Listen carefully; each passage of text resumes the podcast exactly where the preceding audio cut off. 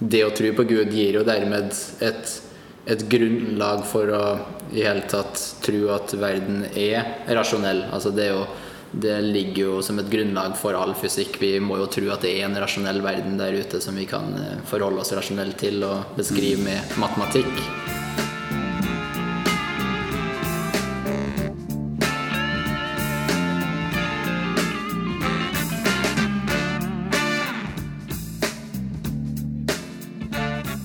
Så jeg sitter her med Ben David og Mikael, brødrene nordmann, som begge tar doktorgrad i fysikk eh, i henholdsvis Stavanger og London. Og jeg må liksom bare spørre, altså, hva, hva skjedde hjemme hos dere? Putta de et eller annet i drikkevann deres? Leste de bøker om Schrødingers katt på, på senga? Hva, hva skjedde? Ja, hva skjedde, nå? Hva skjedde, ja? Eh, Det var jeg som meldte meg til deg, og du som meldte meg til meg. Det er jo nesten litt vanskelig å si det, da. Um, nei Hva skapte denne fascinasjonen for naturen i utgangspunktet, tror du? For min del så hadde jeg en eh, veldig god fysikklærer på videregående. Um, og jeg tror eh, Jeg husker jeg gikk en tur eh, i skogen med, med pappa. Um, og jeg fortalte han at eh, ja, jeg tror faktisk jeg ønsker å studere fysikk. eh, fordi jeg ser, når jeg ser på blad for eksempel, og sånne ting, så tenker jeg at eh, ok, hvis jeg ønsker å forstå hva som eh, ligger bak fargen på bladet, hvorfor det beveger seg på den måten som det gjør, eh, så er det fysikk eh, jeg må studere. Eh, så det var det som var bakgrunnen. Eh, men når jeg begynte å studere fysikk, så begynte jeg å få litt andre tanker på akkurat det. Da, men, men det var det som var bakgrunnen, og sånn det starta på en måte. da. Ja, jeg tror nok det var litt det samme Altså, pappa er jo ikke Han har nok hatt stor påvirkning i den forstand at han alltid har liksom still, lært oss å stille eh, fundamentale spørsmål, tror jeg. Eh, så det var vel litt Vi fant jo begge ut at vi ville studere, og så var det vel på en måte ja, det å, altså fysikk eh, det er jo en, en grunnleggende vitenskap. Du får jo svar på grunnleggende spørsmål. Så selv om vi ikke hadde direkte påvirkning hjemmefra, eller eh, så vidt jeg vet, så var det ikke noe i drikkevann heller. Det var for så vidt en interessant teori, men Kan jo være melka. det kan jo være melka, ja. ja. Fine teorier at de kan falsifiseres. Ja. Nei, så var det nok i hvert fall en sånn indirekte påvirkning med at det var en disiplin man kunne lære seg Eller må få bruk for det her og stille eh, fundamentale spørsmål, og så få presise svar på presise spørsmål. Ja. Jeg tror nok men det var Jeg tror den fysikklæreren som jeg hadde på, på videregående, var en eh, eh, viktig faktor også eh, for min del. Um, ja. For dere er begge oppvokst i Trøndelag. Gikk dere på kristen videregående skole? Nei, eh, jeg gikk på Så jeg begynte faktisk på eh, Jeg starta først på, på Brundalen. Um, som egentlig er for eh, folk som ønsker å ta praktiske utdannelser. F.eks. Mekken og elektronikk og den type ting. Uh, så jeg trodde at jeg skulle ta Mekken uh, og uh, vanlig videregående på, på sida. Men så bytta jeg til Byåsen, for det gikk ikke å, å ta Mekken. Eh, Jeg husker det. Du, du snakka med Feynman som hadde tegna sånne kule diagram på bilen sin når du, når du gikk Mekken. Holdt på å lære deg å sveise og skulle bygge deg bil med sånne kule Feynman-diagram på. Dere er jo ikke bare fysikere, dere er jo også kristne. Eh, Hva er det dere fikk hjemmefra som ga dere lyst til å undersøke denne troen? Ja, hva var det som gjorde det? Jeg tror Altså, jeg har, jeg har på en måte aldri selv hatt en, en sånn jeg tror, jeg tror vi fikk en veldig trygg oppvekst, også som Altså i, eh, ja, sånn i forhold til tro, eh, hva som er fundamentet i livet. Og vi hadde foreldre som helt klart eh, levde det de trodde på. Så, så det var på en måte integritert tro med liv. Så selv så opplevde jeg nok at eh, jeg, opplevde nok ikke at jeg begynte å studere fysikk fordi at jeg ville sjekke ut om, om det jeg trodde på, var um, sant. Men det var vel kanskje etter hvert som jeg begynte å studere fysikk, så, så kom jo de spørsmålene. Forsto de at folk Det var ikke alle som hadde vokst opp med foreldre som mm. levde i henhold til en tro på Gud. ja. Og i hvert fall når man går inn i akademia, så kommer det etter hvert- en forestilling, eh, om ikke fra foreldrene deres, så kanskje også fra noen kollegaer eller fra kulturen, om at eh, dette her med å drive med vitenskap og dette er å være en kristen samtidig, det er, eh, det er en eller annen slags gnisning mellom det. Eh, opplevde dere noen gang det? Nei, ikke for min del. Um, Det har vel kanskje, kanskje også litt med opp, ja, oppveksten og sånn. Vi vokste ikke opp i en sånn spesielt eh, kristelig omgivelse, kanskje. Eh, Jeg var vant med å ha alle mine venner var ateister, eller iallfall ikke troende. Eh, På videregående også var jeg vant med å måte være den som var kjent for å være den kristne, som ikke ble med på fest og den type ting. Um, så jeg tror nok at vi hadde den fordelen eh, at når vi kom på universitetet, eh, så var vi allerede vant med eh, konfrontasjon og diskusjoner og stå opp for troa.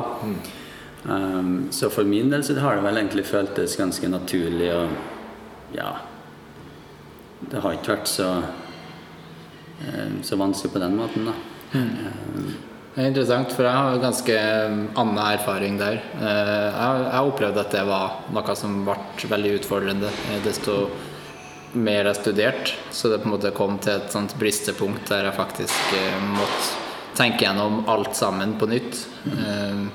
Og det, jeg tror nok at nettopp det at vi hadde en så trygg oppvekst med foreldre som ga oss god grunn til å tro på det de trodde på, ikke fordi de har gitt oss så veldig mange gode argument, men fordi at vi så gjennom livet deres at de faktisk mente det. Det gjorde at det tok litt tid før jeg greide å stille seriø altså sånn virkelig eh, seriøse spørsmål ved om det var sant eller ikke. Så, så jeg, noen år inn i studien så var jeg ganske Jeg hadde en lang periode med mye tvil og sånn i forhold sånn som det du sier, altså du møter jo den der Du, du får jo høre implisitt at det er en gnisning, og til slutt så må du ta stilling til det. da. Hva slags spørsmål begynte du å stille da? Um, altså det var jo Fins det en gud? Eh, Har jeg rett og slett blitt lurt helt siden jeg var Altså Jeg har jo fortalt vennene mine siden jeg var fem år gammel at jeg må eh, tro på Gud, for det er så fantastisk. eh, og så når du da blir 25 og innser at det er nå først at du er i stand til å tvile på at det faktisk Altså det, ja, det er ikke alle som tror at det er sånn. Eh, Kanskje du har tatt feil, rett og slett. Eh, Så da er liksom det spørsmålet Fins det faktisk en gud, eller er det bare tull og tøys? Sånn som en del av mine venner absolutt mente at det er. da Så hva, hva skjedde etter hvert? Hvor, hvor gikk du? Hvor eh, søkte du svaret? Ehm, ja, det er et godt spørsmål. Hvor søkte jeg svar? Jeg leste mye bøker i den tida. Jeg har lest alltid ateistisk litteratur. Eller i hvert fall eh, agnostisk. Og, for jeg ville jo finne ut hva som var sant. Jeg hadde ikke noe ønske om å tro på en gud som egentlig ikke uh, fins. Så jeg husker en kveld jeg satt og snakka med en eh, som jeg fortsatt har kontakt med. Så spurte han meg Det var seint på natta, faktisk, på NTNU. Spurte han Han, han liksom ga uttrykk for at han var han skulle ha ønska at han kunne tro på en gud på den måten. Så spurte han kan du noen gang tvile på Gud. Og så visste ikke jeg svaret på det, men jeg følte det rette svaret var å si nei. Det kan jeg ikke. Så jeg sa nei. Og så bar jeg det spørsmålet og det svaret som jeg hadde gitt med meg eh, noen år. Og så innså jeg til slutt at det var feil. Jeg kan definitivt tvile på Gud. Og, og så, ja, og, og det var på en måte, så da måtte jeg til slutt ta kontakt med han igjen og si det at eh, beklager, unnskyld, jeg, jeg sa feil. Det var, det var ikke et riktig svar. Da hadde jeg gått og gnaga på samvittigheten i et par år. Ja, ja. Og sånn, ja, sånn som du sier, hva, eller spurte om hva, hva var det, hvor søkte jeg svar hen? Jeg tror nok det var i mye ateistisk litteratur, og så var det òg mye innover i seg sjøl. hva var det egentlige grunnlaget for at jeg hadde trodd? Hvor mye hadde jeg egentlig opplevd Gud? Eh, så jeg skrev veldig mye i den tida. Og, ja, så innover i seg sjøl og utover i bøker og møter med ateister. Vil du si at det var eh, det at du studerte fysikk eller vitenskap som var grunn til tvil, eller at du bare begynte å tenke mer for deg sjøl? Altså, og så andre Eller in- interaktert med andre som ikke Ja, jeg tror det at jeg begynte å studere og møtte mange som hadde som helt oppriktig eh, mente at det jeg trodde på var tull og tøys, det var katalysatoren som gjorde at jeg virkelig måtte eh, stille de helt fundamentale spørsmålene sjøl. Ja. Men jeg vet ikke om jeg, jeg tror ikke, sånn, i- etterkant så tror jeg ikke nødvendigvis at jeg søkte svar på det her på riktig måte. Um, det var, jeg hadde nok et behov for å litt sånn fjerne meg fra Gud. For å ikke um, få de her forutinntatte svarene, eh, eller selvbekreftende svarene, da. Ja. For jeg tror det kommer en sånn periode i alles liv hvor vi si, uansett hva vi tenker er det ultimate gode og det sånne At vi nesten bare må stille oss selv spørsmål. At jeg lurer jeg egentlig bare meg selv? Og hvis Ja. jeg gjør det, fins det noen måte å avsløre det på? Ja. Eh, Har du noen gang hatt en sånn opplevelse, Mikael? Um, Iallfall ikke på samme måte som eh, Benavid. Eh, jeg har vel egentlig aldri Eller eh, det var kanskje en liten periode når jeg var Jeg husker ikke hvor gammel jeg er. 10-12 år. Hvor jeg husker at jeg hadde en, en Jeg gikk en tur med pappa, og så sa jeg noe sånt at mm, jeg, vet ikke om jeg tror på Gud, egentlig. Så jeg husker at han svarte noe sånt som eh, eh, Å nei, det gjør ikke det, nei. Jeg jeg hadde gått og grua meg eh, timevis på å si det der, og han svarte som om at jeg ikke hadde Han bare hadde sagt at jeg ikke likte middagen eller noe.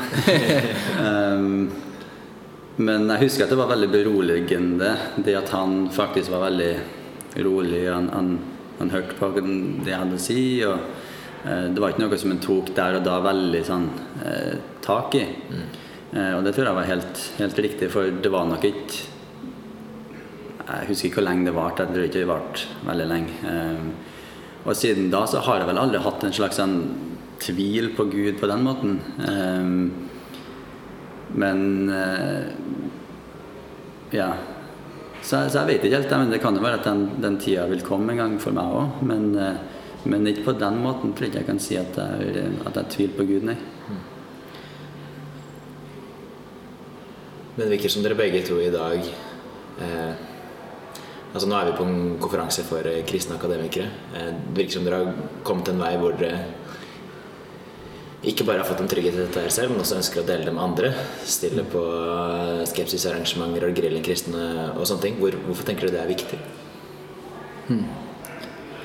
Um, for meg så er det veldig naturlig. Jeg, jeg har alltid gjort det. Um, uten at jeg har tenkt på det som en sånn eh, spesiell greie eller noe som Det har liksom bare vært en naturlig del, kanskje både i forhold til min personlighet, men òg i forhold til det å være kristen. Altså, jeg tror jo, i den grad at jeg, sånn som du sier, at jeg har oppnådd, eller fått en trygghet på det jeg tror på, så ønsker jeg jo å dele med andre. Eh, For det er jo Er det sant, så er det verdens beste nyheter. så det er på en måte et ønske om å kunne dele med andre ja, og, og hjelpe andre til, til å få et trygt fundament eh, i livet. Ja, eh, og jeg tenker også at det er en eh, At det er viktig å Eller for min del så er det noe som har vært veldig eh, viktig, er egentlig å erfare Gud. Ikke bare yeah. eh, logisk måte komme til beslutning at jo, det er nok eh, det mest filosofisk riktige å tro på Gud, eller eh, på en måte bare med hodet. Eh, men faktisk erfare eh, gjennom livet at Gud svarer på bønn, at Gud eh, oppdrar oss som en far. Eh, og jeg føler spesielt de siste årene egentlig at jeg har opplevd mange spesielle bønnesvar, mange opplevelser med Gud som har styrka troa mi. Og ja, men det at jeg studerer tar den doktorgraden her, er en av dem. Eh, så det gjør jo at det som Benaud sier, egentlig at det er veldig naturlig, føles veldig naturlig å, å dele det med, med kollegaene mine spesielt. Eh, bare del, fortelle dem om livet mitt, fortelle dem om på en måte hva de går glipp av. Når jeg gikk på videregående, så var det mange som eh, prøvde å overbevise meg på å gå på fest og fortelle meg alt jeg gikk glipp av. Uh, men det som er trist, er egentlig at det er dem som, eh, som går glipp av mye. Men i dag så er dere jo kristne, og dere driver med vitenskap. Jeg dere at Det å drive med vitenskap er noe dere gjør på ukedagene, og at eh, det å være kristen er noe som kommer ved å gå i kirka noen timer på søndag? Eller hvordan, eh, hvordan henger dette her sammen? Nei. det, det henger ikke sammen sånn for min del, i hvert fall.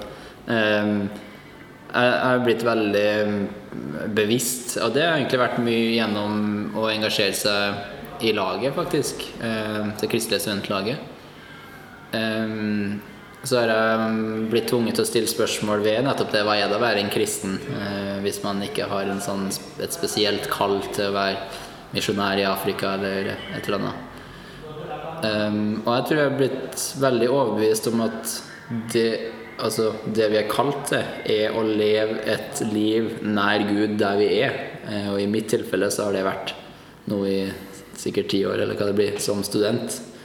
Um, og som, etter hvert som doktorgradsstudent. Og da er jeg da lever, Jeg ber hver morgen om at Gud eh, må bruke meg som sitt verktøy der jeg er.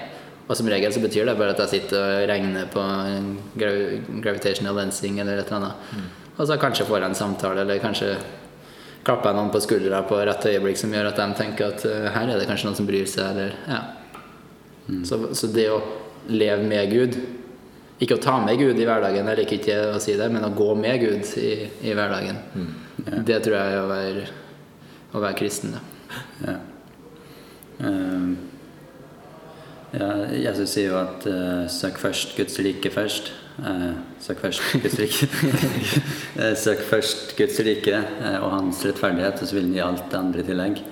og jeg tenker at du at det er kanskje noe med å faktisk få det inn i blodet. Nærmest at når du jobber, når du samme hva det du gjør når du snakker med kollegaene, så gjør du det for Guds rike først og fremst. Så, du, jeg mener, så jeg prøver å jobbe som om eh, På en måte på samme måte som om jeg, På samme framgangsmåte, på samme måte som om jeg var, holdt på å forberede kanskje en tale i menigheten, eller hva det nå skulle være. Altså at du har samme mindset, samme tankemåte eh, når, du, når du jobber i sekulære, den sekulære jobben som om det skulle ha vært en en eh, hva kan jeg si, ministry. Mm. Um, mm. Så, ja. så, nærmest at man, man, ser naturen som Jesus ville gjort det, man ser kollegaene som Jesus ville gjort det. Ja, ja. Og, ikke, og, kanskje ikke så redd for Altså jeg tror Hvis du har tankesett, det tankesettet, så vil du ikke være så redd for eh, om du skulle eh, Nå er det kanskje ikke Jeg vet ikke hvor relevant det er ennå for oss, men men eh, for noen så er det jo veldig relevant det med å være veldig forsiktig med hva du sier til kollegaene dine med tanke på sannhet, egentlig, og hva som er sant, og hva du står for. Mm. Eh, og det er egentlig relevant for dem at hvis jeg sier for mye, så kan jeg faktisk miste jobben. Eh, og iallfall gå ned i, i, lønn, eller hva det skulle være. Eh, men at man da har det, den tankemåten at vel, hvis det er det jeg tror er sant, og jeg opplever at at eh, den, jeg har fått en mulighet til å stå opp for sannhet og ikke være redd for det. Og, og, og si en kjapp lynbønn. Eh, så vil, vil, Gud gi det vi trenger. Både for mat og klær og, og ord og visdom. Mm. Mm. Men så må jeg også spørre deg, Ben David, for du, du er kåret til Norges beste forskningsformidler 2018. Du, ja. du vant Forsker Grand Prix. Først ved at det var eh, regionsfinaler med veldig dyktige mennesker og en stor landsfinale med åtte-ni stykker, hvor du da står igjen til slutt ved å fortelle universets historie på fire minutter. Hvordan, hvordan opplevdes det?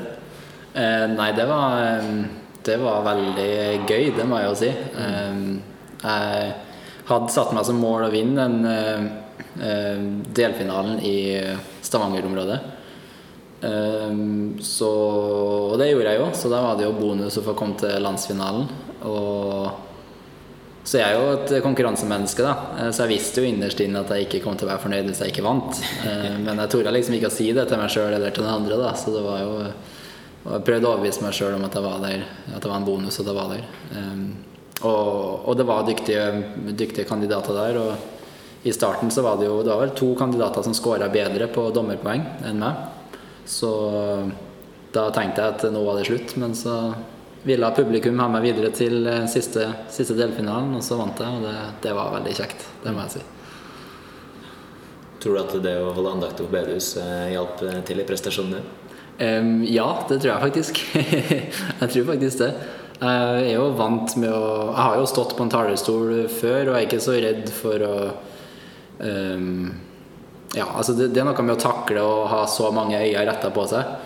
Eh, og så både det at jeg har holdt taler i menighetssammenheng, og det at jeg har drevet litt undervisning i jobbsammenheng, eh, helt, hjalp helt klart i forhold til å fjerne seg litt fra den eh, hvor skummelt det egentlig er å ha retta så mange øyne mot seg. I hvert fall når du er pressa på tid og har fire minutter, og du må si alt helt riktig. da. Hva tror dere fremtiden bringer? Er det Håper du at fysikk skal være det store også resten av livet? Altså Dere er jo forholdsvis unge, rundt 30 begge to, men uh, mm. dere har lang karriere foran dere. Under 30, ja. Ja, ja. ja men David har jo alltid vært en tviler. men uh, jeg, jeg, regner vel egentlig med at uh, begge av oss ender opp som, som i akademia innen fysikk. Men uh, iallfall for min del tror jeg det, ja, mm. det er ikke så mye annet jeg kunne tenkt meg. Men Mikael har alltid sagt det. Liksom, du har jo vært den som alltid skulle ha gjort de mest sprø tingene. Du skulle bli bilmekaniker, og så skulle du bli brannmann. Ja, men du visste alltid at hvis du skulle ta høyere utdanning, så var det fysikk. Ja. Og så har du endt opp med det. Og for min del så har det nok vært litt motsatt. Jeg har jo prøvd meg på alle mulige slags studier. Um, så jeg endte opp med fysikk og er veldig glad for det. Veldig, ja, så jeg tror nok at det jeg kommer definitivt til å ta med meg fysikeren i meg resten av livet. Helt klart. Men eh, akkurat hva fremtida bringer i, forhold til om det blir en fast stilling i akademia eller hva det blir, jeg syns det er litt vanskelig å vite. Men, eh, men, ja, det hadde vært kjekt om det gikk i oppfyllelse. Mm. Så for å ta et spørsmål helt til slutt, Hva syns dere er mest spennende i fagfeltet deres akkurat nå?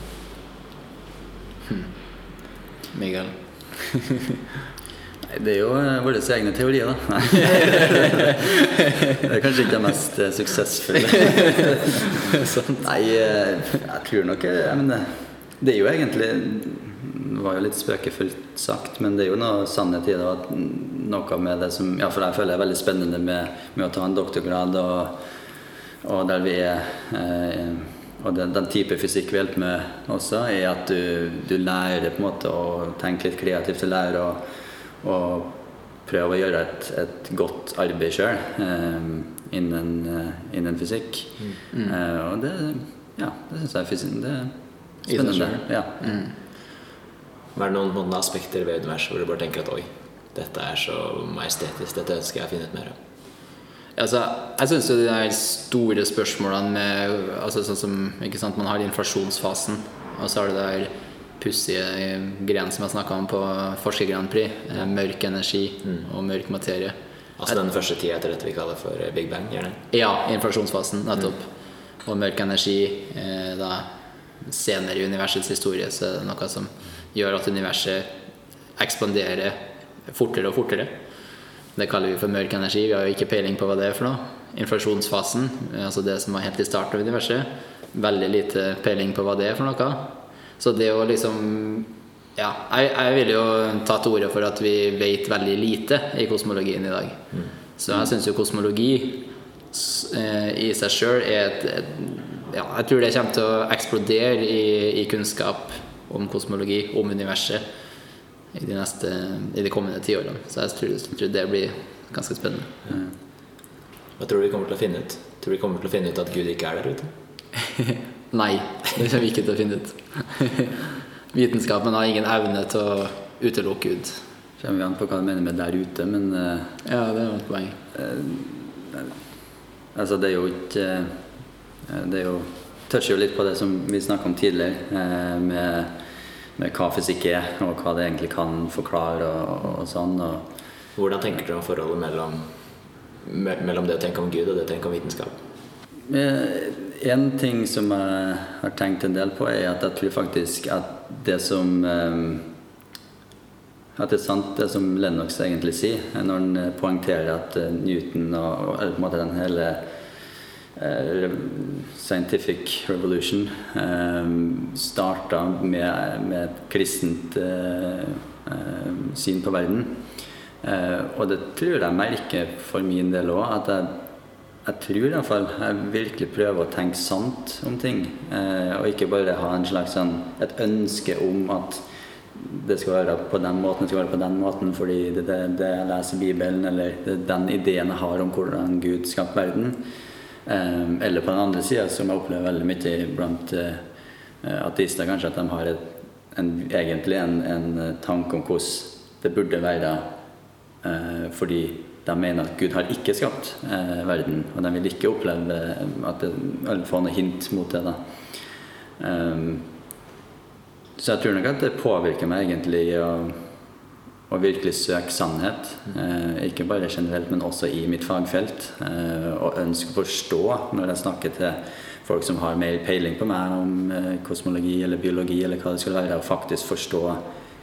Eh, når jeg spør, så spør jeg for å forstå, og ikke for å prøve å eh, teste eller deres vitenskap, eller prøve å Ja.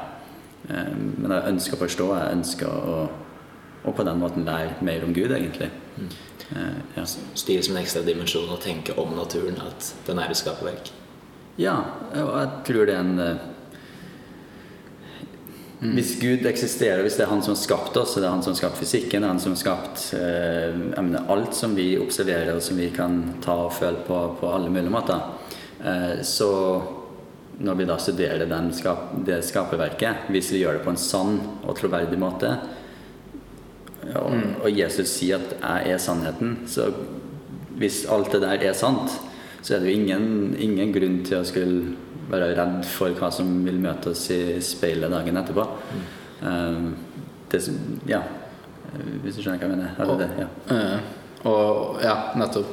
Også for liksom det gir jo et, eller det er jo sikkert bare en oppsummering av det du sier, men at det å tro på Gud gir jo dermed et et grunnlag for å i hele tatt tro at verden er rasjonell. Altså det, jo, det, ligger jo som et grunnlag for all fysikk. Vi må jo tro at det er en rasjonell verden der ute som vi kan eh, forholde oss rasjonelt til og beskrive mm. med matematikk.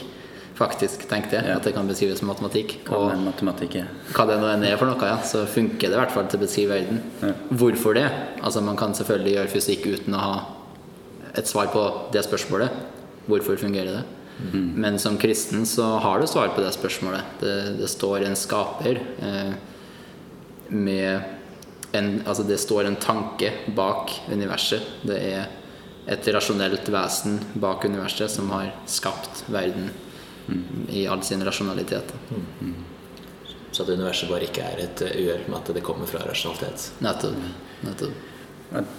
Du spurte litt om hva som var det mest fantastiske som eh, vi, er, vi observerer, eller vi i, i fysikken eller nevnt mørk materie. Mm.